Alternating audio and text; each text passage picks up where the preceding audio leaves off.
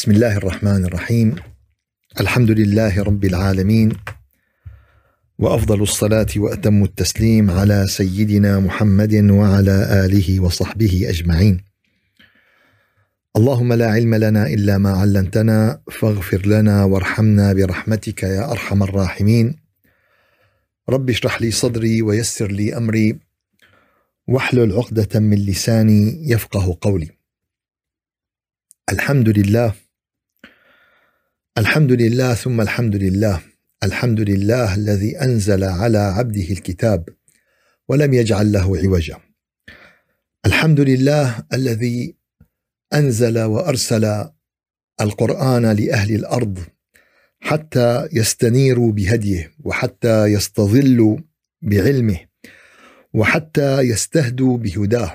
الحمد لله أنه لدينا كبشر مصدر إلهي موثوق. موثوق مئة بالمئة. نرجع إليه. نستقي منه الأخبار نستقي منه الأحداث نستقي منه المطلوب نستقي منه الصراط المستقيم. نستقي منه قصص الأنبياء وسيرهم بغير تبديل بغير تحريف بغير زيادة بغير نقصان بغير تدليس بغير ما لآخر هذه القائمة من الإضافات والتغييرات والتبديلات والتزيدات. الحمد لله الذي أظهر الله لنا كلمته وبين لنا هداه.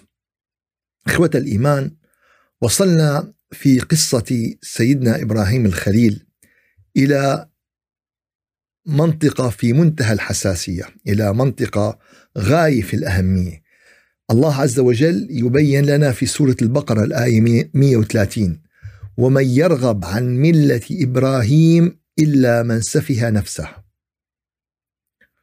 ولقد اصطفيناه في الدنيا وإنه في الآخرة لمن الصالحين. طبعا ومن يرغب عن ملة إبراهيم. علماء التفسير الكلام واضح الكلام ظاهر الكلام لا يحتمل الكثير من المعاني. كل من يزيح ويحيد عن منهج إبراهيم كل من يزيغ ويحيد عن إيمان إبراهيم عن صلة إبراهيم بالله عز وجل عن كيفية الوصول إلى الله عز وجل التي بينها إبراهيم كل من يحيد عن هذه الملة. فهو إيش؟ فهو من الجاهلين هو من السفهاء هو فالكلام صريح والكلام واضح والكلام دقيق. فملة إبراهيم التوحيد. ملة إبراهيم التوحيد. وللوصول إلى هذا التوحيد الذي هو أساس البنيان لابد من أسس لابد من أركان بينتها الآية السابقة. دعاء سيدنا إبراهيم ربنا وابعث فيهم رسولا منهم يتلو عليهم آياتك ويعلمهم الكتاب والحكمة ويزكيهم. فملة إبراهيم التي هي التوحيد بحاجة إلى أسس بحاجة إلى أركان. السيارة بحاجة لدواليب تحملها البناية بحاجة لأعمدة تحملها فكل شيء بحاجة إلى بنيان بحاجة إلى أساس. فهذا التوحيد الذي يتعرض اليوم لموجة شرسة. بس بدنا ندمر هذا التوحيد بأي شكل من الأشكال. تأليه الأنبياء يا سيدي بنعترف بالنبي بس عملوا إله. ما بدنا يا نبي بدنا يا إله. ما يكفي يكون نبي. شو المهم؟ أن ننقض هذا العهد والميثاق. والله عز وجل قال لك إن الله لا يغفر لا يغفر أن يشرك به ويغفر دون ذلك لمن يشاء.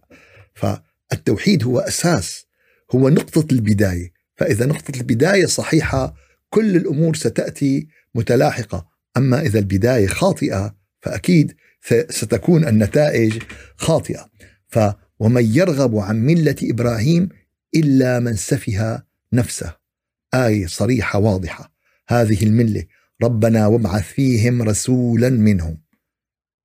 بدهم معلم. بدهم معلم يعلمهم يعلمهم الكتاب. يعلمهم علم الكتاب. يعلمهم الحكمة. يزكيهم. التزكية هي فعل.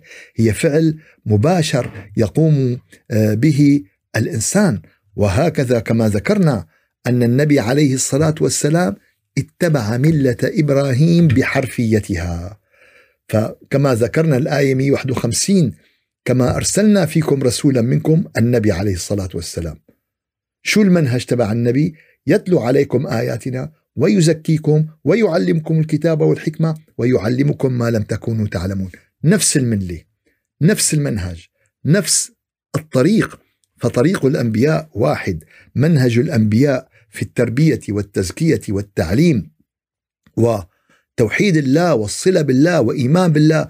وهذا المنهج هو الأساس الذي سيحاسب الله عليه كل بني الإنسان.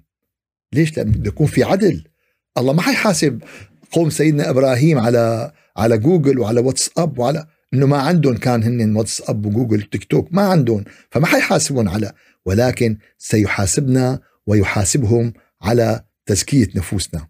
س ورب العالمين بين آه، بعد أن أقسم آه، بسورة الشمس ونفس وما زكاها فألهمها فجورها وتقواها. طبعا بعد ما أقسم بعشرة أشياء أقسم الله عز وجل بها فقال ونفس وما سواها فألهمها فجورها وتقواها قد أفلح من زكاها.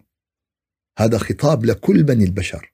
هذا خطاب لكل بني الإنسان وقد خاب من دساها هذا الخلاصة هي نهاية الأحداث وهون سيدنا إبراهيم يبين هذا المنهج الإلهي يبين هذا المنهج الرباني يبين هذه الدعوة إلى الله المرتكزة على إيش؟ على وبعث فيهم رسولا يتلو عليهم آياتك يعلمهم الكتاب يعلمهم الحكمة يزكيهم ويقربهم ويطهرهم بمعرفتهم لله عز وجل. فهذا القرآن الكريم نحمد الله عز وجل على وجوده بيننا. بدنا كل يوم نحمد الله أنه أعطانا هذا الكتاب الذي دونه لا تستقيم هذه الحياة والذي بدونه لا يستقيم العيش والذي بدونه ستضيع الحقيقة كما ضاعت بغيره من الكتب السماوية. الله أرسل كتب سماوية يا جماعة متصورين شو يعني؟ يعني كلام الله. وشياطين الإنس والجن حرفوه وغيروه وبدلوه. نحمد رب العالمين أنه تعهد بحفظ هذا الكتاب. هي معاني كثير كبيرة ومعاني كثير خطيرة. فالحمد لله اللي أنزل الكتاب الحمد لله اللي حفظ لنا الكتاب الحمد لله يلي بين لنا الكتاب ومن يرغب عن ملة إبراهيم إلا من سفه نفسه ولقد اصطفيناه في الدنيا وإنه في الآخرة لمن الصالحين إذ قال له ربه أسلم قال أسلمت لرب العالمين. فالحقيقة هي الانقياد لله عز وجل. الإسلام بحقيقته هو إنه تستسلم لمراد الله عز وجل. هذا الإسلام هذا الدين الدين أن آه، ترى الطريق الذي رسمه الله عز وجل لك الذي هو خير طريق.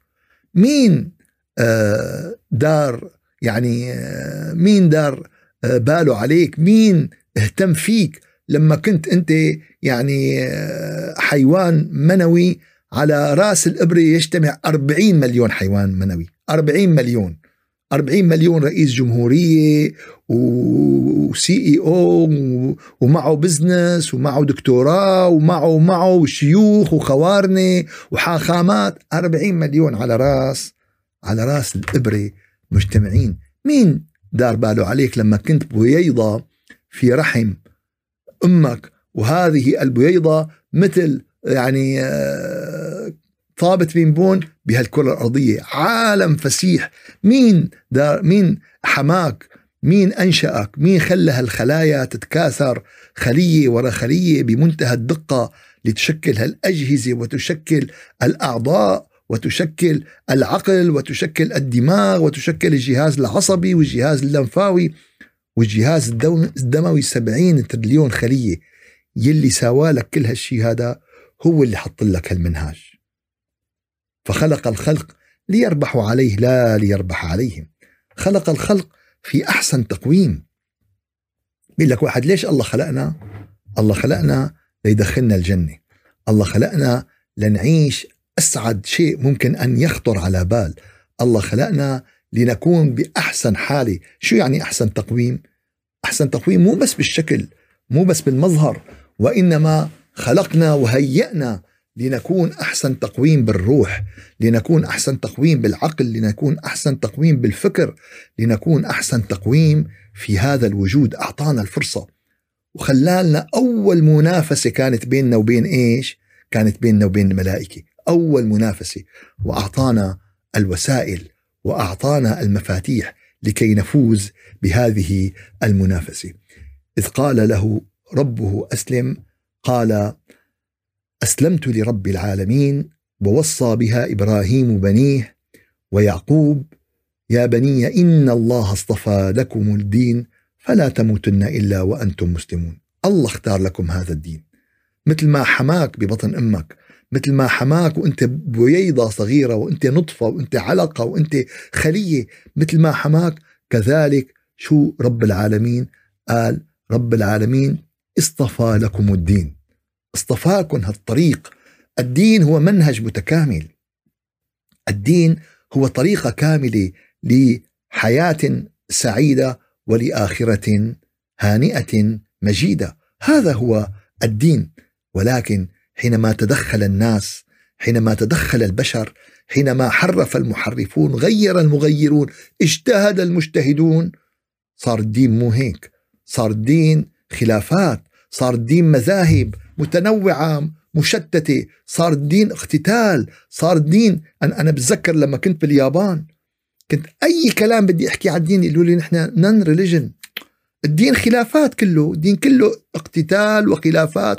إن كان اللي صار بأوروبا من اقتتال آه، الطوائف الدينية مليارات. إن كان محاكم التفتيش اللي صارت إن كان ما يجري اليوم باسم الإسلام والمسلمين والتنظيمات و و و و فللأسف هذا كله من شيطنة بني الإنسان. هذا كله من شيطنة بني الإنسان. الخط واضح. ومن يرغب عن ملة إبراهيم إلا من سفها نفسه ووصى بها إبراهيم بنيه. ويعقوب يا بني إن الله اصطفى لكم الدين فلا تموتن إلا وأنتم مسلمون. وفهم أبناء أبناء إبراهيم الرسالة. وعرفوا الطريق وعرفوا أهمية اصطفاء رب العالمين لنا فكانت هذه وصاياهم بأدق لحظات حياتهم. شو عم بتكون يا ترى وصايانا؟ شو عم تكونوا نحن عم نموت؟ شو عم نفكر نخبر الناس قبل ما نموت؟ شو عم نفكر يا ترى؟ بشو بالنا مشغول؟ الأرض ها لا تنسوا الأرض الفلانية لا تنسوا القضية شو اسمه؟ لا. قال أم كنتم شهداء إذا حضر يعقوب الموت. قال مو القصة فقط سيدنا إبراهيم صارت سلسلة سلسلة من العظماء سلسلة من رجالات التاريخ سلسلة من الذين غيبناهم بكل دياناتنا ومذاهبنا وإعلامنا. مين بيحكي اليوم عن سيدنا يعقوب؟ أم كنتم شهداء إذ حضر يعقوب الموت إذ قال لبنيه ما تعبدون من بعدي؟ ما له خايف على الأرض ما له خايف على البرتة ما له خايف على التركه ما له خايف على, على ما تعبدون من بعدي. خايف على الإيمان خايف على العقيدة. هذا الشيء اللي أنت خايف عليه بمجتمعك اللي حواليك. هذا الشيء اللي أب مهتم فيه بالنسبة لأولاده. هذا الشيء اللي أم حاطة أولوية عن شو اسمه. هذا الشيخ والأستاذ اللي حاطه عن تلاميذه آه, آه شو قال؟ ما تعبدون من بعدي. قالوا نعبد إلهك وإله آبائك إبراهيم وإسماعيل وإسحاق الها واحدا ونحن له مسلمون. طيب ليش يا سيدنا يعقوب كل هالشيء؟ معروفه لا إله إلا الله. ليش خايف كل هالشيء؟ لأنهم كانوا يخشون انه كل سعي الشيطان هو لتدمير هذا التوحيد. إما أن يدمروا ظاهرا ومثل ما قلنا شو ما بدكم؟ شو ما بدكم بدك النبي إله ساوي إله. بدك نعمله كذا بس المهم لا إله إلا الله هي البطاقة الأخيرة للجنة. شو آخر بطاقة؟ هي آه، آخر شيء بيطالعوا من الجن من من جهنم. شو؟ من قال لا إله إلا بس لحالة لحالة. وهي طلب سيدنا النبي عليه الصلاة والسلام. حينما يتوسل يوم القيامة بيقول له يا رب أخرج آخر من قال لا إله إلا الله. من قال لا إله إلا الله. فأم كنتم شهداء؟ إذ حضر يعقوب الموت إذ قال لبنيه ما تعبدون من بعدي؟ قالوا نعبد إلهك وإله آبائك إبراهيم وإسماعيل وإسحاق. رغم كل هالوصية ورغم كل هالتجديد ورغم لحظات الموت تعرفوا بقية القصة شو صار بعدين؟ تعرفوا بقية القصة.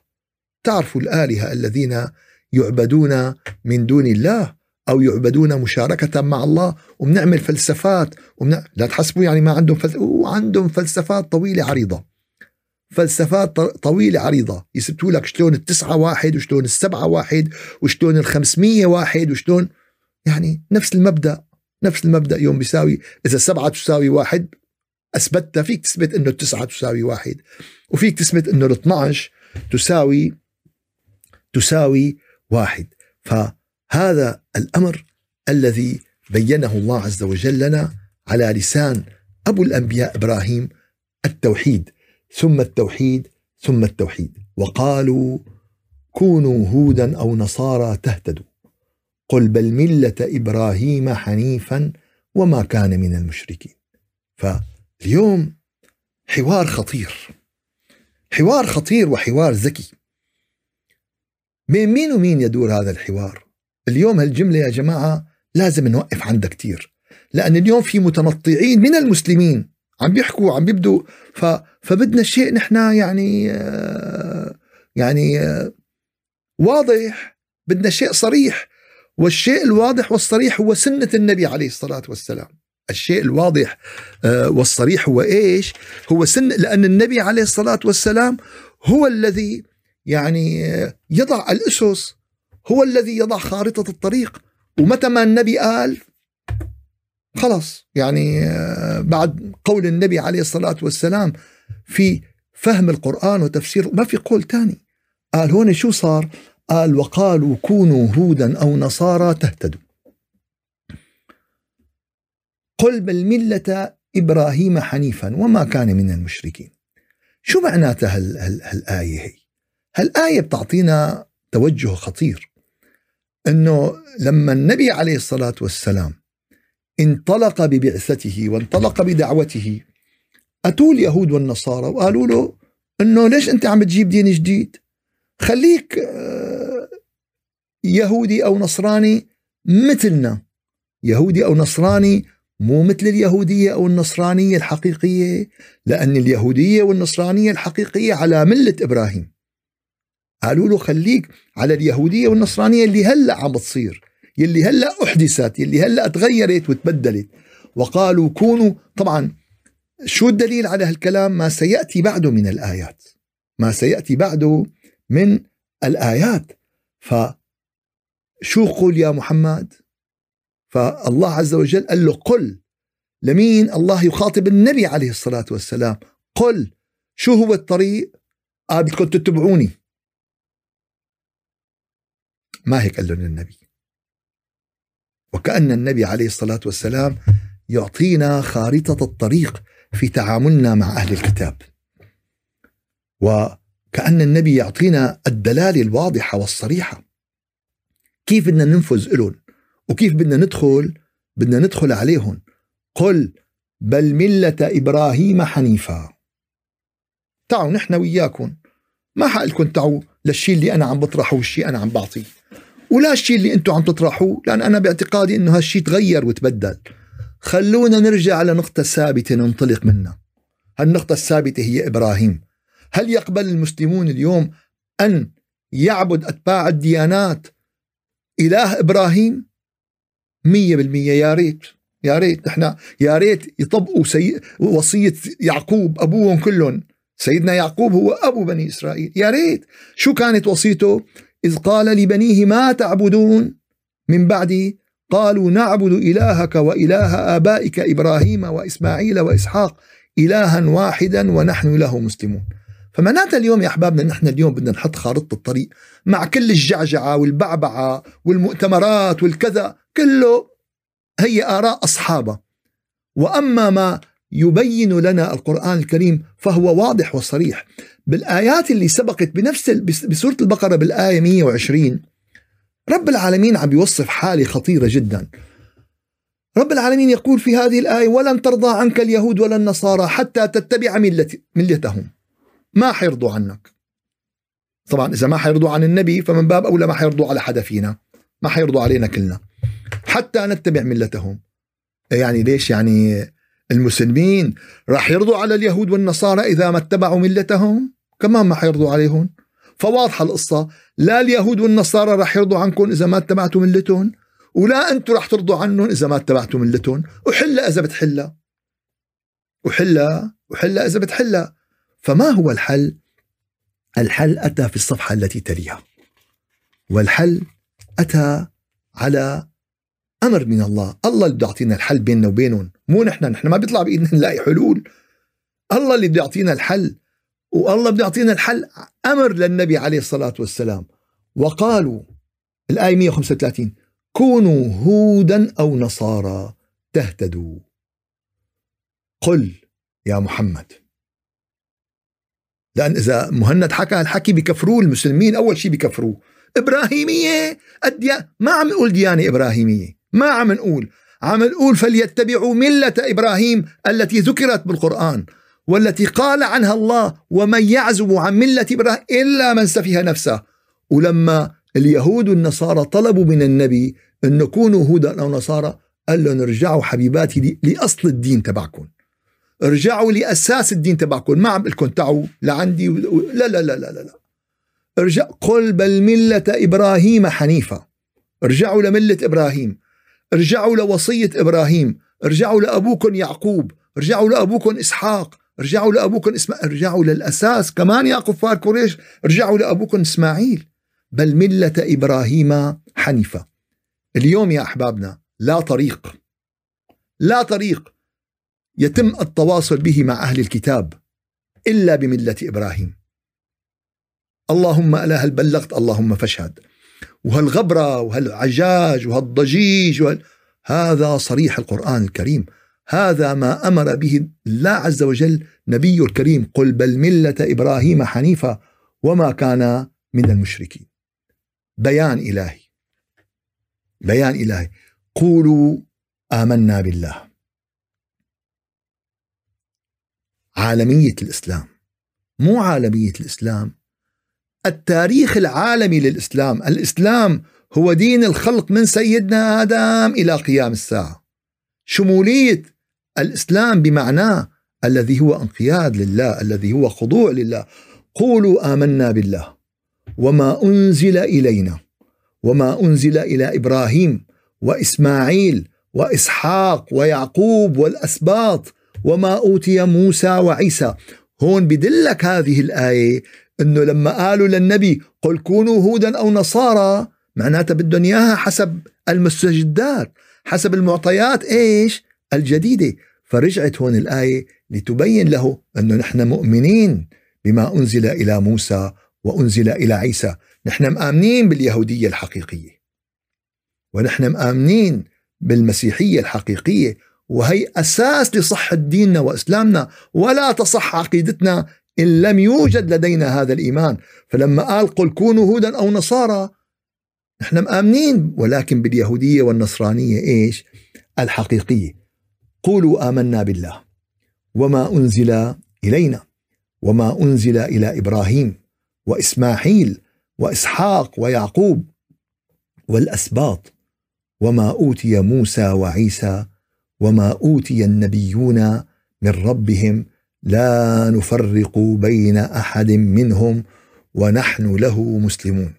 إيه يعني تصلح ميثاق أممي. إيه تصلح يعني منهج عمل لكل أبناء الديانات. إيه تصلح لأن تكون يعني حقيقة واقعة اليوم. اليوم دعوة لكل أتباع الديانات.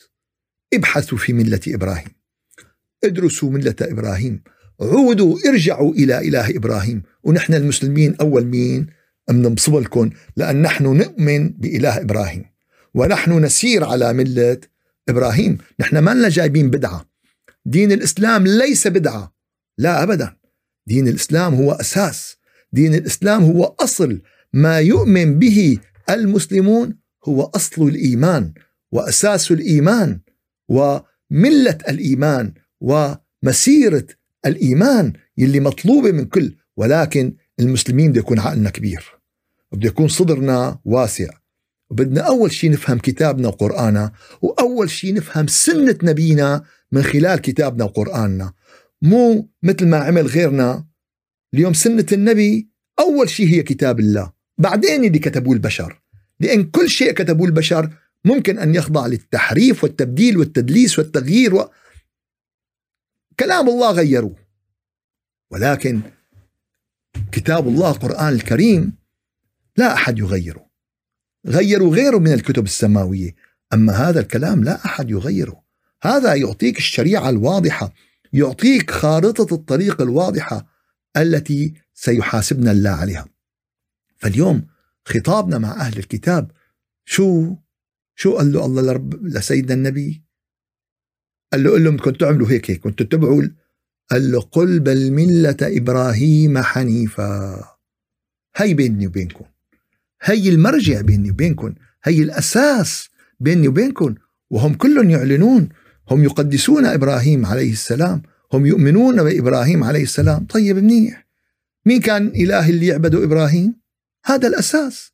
من هو الإله الذي وصى يعقوب بنيه مين هو آه، هذا الموضوع اليوم بحاجة لكثير من الدراسة بحاجة لكثير من البحث من البحث لإيجاد هذه الأرضية المشتركة التي هي الإله الواحد الأحد. وكل شيء بيجي تكملة بعدين.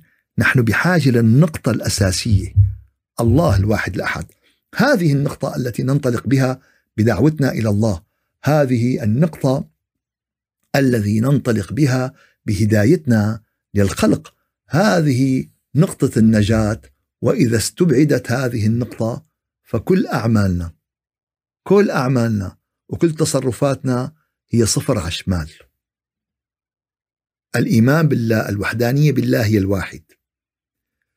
الأعمال الصالحة مع الإيمان بالله هي أصفار ولكن على اليمين كل ما زادت زاد مقامك وزاد آه، صلتك وزاد قربك. ولكن دون الإيمان بالله الواحد الأحد كل الأعمال هي صفر على شمال إذا أنا بدي أروح للشمال إيه؟ ومعي أحسن سيارة ومعباية بنزين وماشي متقيد بنظام السير وكله تمام بس متجه باتجاه الجنوب. كل ما مشيت أكثر كل ما بعدت أكثر فاليوم هذا هو الشيطان بده يعملنا إياه. بده يزيح البوصلة وزاح البوصلة نجح. نجح نجاح. باهر وخطير وهذا عار علينا بني الإنسان. عار علينا بني الإنسان كلياتنا كلياتنا. ألم قايم مو والله هدول دون هدول. ما هدول كلات كلاتهم إخواتنا بعائلة الإنسانية كلاتهم إخواتنا. أولاد سيدنا آدم وسيدنا نوح كل بني البشر. فما نقول إيه والله هدول هيك وهدول ونحن على أساس الشاطرين. نحن على أساس الفهمانين. يعني يلي حامل البيل بإيده حامل مسؤولية. يلي ماسك دركسيون الطيارة بإيده مسؤول عن كل الركاب اللي معه بالطيارة واللي عم بيدير السفينة. مسؤول عن كل شيء محيط فيه ونحن اليوم مسؤولين عن هذا الملف الإيماني. مسؤولين عن دلالة البشر إلى الإله الواحد الأحد إله آدم وإله نوح وإله إبراهيم. وإله إسحاق ويعقوب وموسى وعيسى ومحمد صلوات الله عليهم أجمعين. قولوا آمنا بالله وما أنزل إلينا وما أنزل إلى إبراهيم وإسماعيل وإسحاق ويعقوب والأسباط وما أوتي موسى وعيسى وما أوتي النبيون من ربهم. لا نفرق بين أحد منهم ونحن له مسلمون. ان إحنا عم نفرق المسلمين. إن إحنا فرقنا الإسلام ل 500 مذهب التصوف عملناه 500 شعبه والوهابية عملناها 500 قطعة والسلفية عملناها ما بعرف شو والأحزاب على فش غمي والتنظيم ولا حول ولا قوة إلا بالله. كيف بدنا نرجع نوحد البشرية على الإله الواحد إذا نحن مقطعين وموصلين؟ بحاجة نحن اليوم للعودة أول شيء لمصدرنا الأساسي لكلام الله ولكتاب الله فإن آمنوا بمثل ما آمنتم به بشو بهذا بهذه الآية. فقد اهتدوا وإن, وإن تولوا فإنما هم في شقاق فسيكفيكهم الله وهو السميع العليم. وإن آمنوا بمثل ما آمنتم به كيف بده يآمنوا بمثل ما آمنا به؟ شلون؟ كيف؟ هاي مهمتنا. هاي مهمتنا هذا واجبنا. هذا هي المسؤولية اللي اللي برغبتنا نحن اللي ندعي أننا مسلمين وأننا عنا كتاب الله وأننا عنا الكتاب الذي لم يحرف. هذا الشيء اللي نحن علينا نبينه للناس ونحن علينا نبينه بالحكمة بالموعظة الحسنة بالعلم بالرفق بالحنان بالطب بالمعالجة. أن نحن على المريض كما يحنو الطبيب على المريض. هيك. أما مو نصير قضاة بس نبعث الناس لجهنم. قال شو؟ قال في عندك ثلمة على كعبك أنت على جهنم. أنت في ناس بس بس مهمتهم يحجزوا بطاقات لوين؟ بكفروا أكبر شيخ وأكبر عالم وأكبر داعية وأكبر بس شغلتهم حجز وبترجع للخلفية تبعهم. لا حول ولا قوة إلا بالله وما كل ما يعلم وما كل ما يعلم يقال. فإن آمنوا بمثل ما آمنتم به فقد اهتدوا. وهي مهمتنا. وإن تولوا فإنما هم في شقاق. وإذا نحن تولينا مو هن تولوا هي تولوا إمتى بعد ما نحن ندعيهم. تولوا بعد ما نحن نبين لهم. تولوا بعد ما نحن نقوم بواجبنا ونقوم باللي باللي علينا. فإذا نحن تولينا ما حيوصل فإن تولوا هنين. فمعناتها إذا نحن تولينا عن هذا الواجب فأما إذا والله قمنا بواجبنا وأدينا وتولوا ساعة فسيكفيكهم الله وهو السميع العليم صبغة الله. ومن أحسن ومن أحسن من الله صبغة ونحن له عابدون. فطبعا هذه الآيات بحاجة إلى بحث وإنما نسير الآن نحن فيما يتعلق بسيدنا إبراهيم. فهذا المنهج وهذه آه، الدلالة وهذه يعني آه، الفطرة التي فطر الله الناس عليها. كل الإنسان مفطور على التوحيد. كل الإنسان مفطور على معرفة الله. كل القلوب مفطورة على ذكر اسم الله. شو؟ كل القلوب مفطورة على إيش؟ على ذكر اسم الله. الذين إذا ذكر الله وجلت قلوبهم ألا بذكر الله تطمئن القلوب؟ الذين آمنوا وتطمئن قلوبهم بذكر الله. مو نحن صنعنا القلب. مو نحن برمجنا القلب. مو نحن برمجناه على ان يتحسس في هذا هي صبغة الله عز وجل. التوحيد صبغة الله عز وجل. الصلة بالله. يوم يوم بيجيك الجهاز من عند الشركة بيجيك الكمبيوتر بيقول لك هذا ال interface RS 232 شو يعني؟ قال هذا مشان يوصل مع الإنترنت. مو انت عم بتقرر هيك إجاك الكمبيوتر. انت مهمتك إنه توصله مع الإنترنت وتستفيد من المزايا اللاحقة. في شيء ضمن استطاعتنا في شيء تحت تصرفنا في شيء هيك وصلنا. فهذه صبغة الله عز وجل. هيك الله عز وجل فطرنا وهيك الله عز وجل خلقنا صبغة الله ولكن الله فطرنا على أحسن فطرة. الله صبغنا خلى اللون تبعنا خلى الصبغة تبعنا شو هي؟ هي الفطرة السليمة. ومن أحسن من الله صبغة ونحن له عابدون. قل أتحاجوننا في الله وهو ربنا وربكم ولنا أعمالنا ولكم أعمالكم ونحن له مخلصون. أم تقولون إن إبراهيم وإسماعيل وإسحاق ويعقوب والأسباط كانوا هودا أو نصارى؟ نعم كانوا هودا أو نصارى على أساس الديانة لأنه الديانة واحد. أما مو هودا ونصارى على هذه الديانة المستحدثة هذه الديانة المعدلة هذه الديانة التي كمان تفرقت وتشرزمت وتمزقت وصارت 500 آه، قل أأنتم أعلم أم الله؟ ومن أظلم ممن كتم شهادة عنده من الله؟ وما الله بغافل عما تعملون. فالحقيقة يا أحبابنا أننا نحن بحاجة لهذه العودة إلى الصراط المستقيم. بحاجة إلى هذا الصراط الذي يمر بإبراهيم ويمر بإسماعيل ويمر بإسحاق ويعقوب والأسباط وموسى وعيسى والنبيون وآخر نقطة علام على هذا الصراط المستقيم هي سيدنا النبي عليه الصلاة والسلام. فهذا الصراط الذي ينتهي بالنبي عليه الصلاة والسلام لابد أن يمر بجميع هؤلاء الأنبياء والمرسلين. فإذا كان هذا هو الصراط الذي تسير عليه فأنت على الصراط المستقيم. أما لا والله هذا الصراط مو موجودين هؤلاء عليه فأنت ماشي على خط ثاني ما بنعرف على أنه خط على أنه خط ماشي. لك هذا خط الباء ميدان شيخ.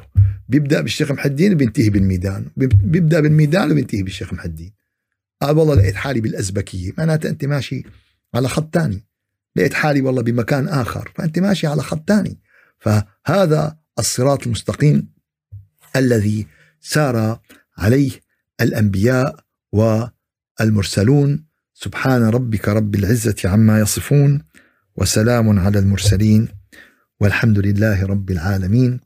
إلى شرف النبي وأرواح المؤمنين وإلى روح من سبقنا من آبائنا وأمهاتنا وتلامذتنا وأحبابنا إلى دار البقاء الفاتحة. أعوذ بالله من الشيطان الرجيم، بسم الله الرحمن الرحيم. الحمد لله رب العالمين وأفضل الصلاة وأتم التسليم على سيدنا محمد وعلى آله وصحبه أجمعين. اللهم أعنا على دوام ذكرك وشكرك وحسن عبادتك ولا تجعلنا يا إلهنا يا مولانا من الغافلين. اللهم أرنا الحق حقا وارزقنا اتباعه وأرنا الباطل باطلا وارزقنا اجتنابه.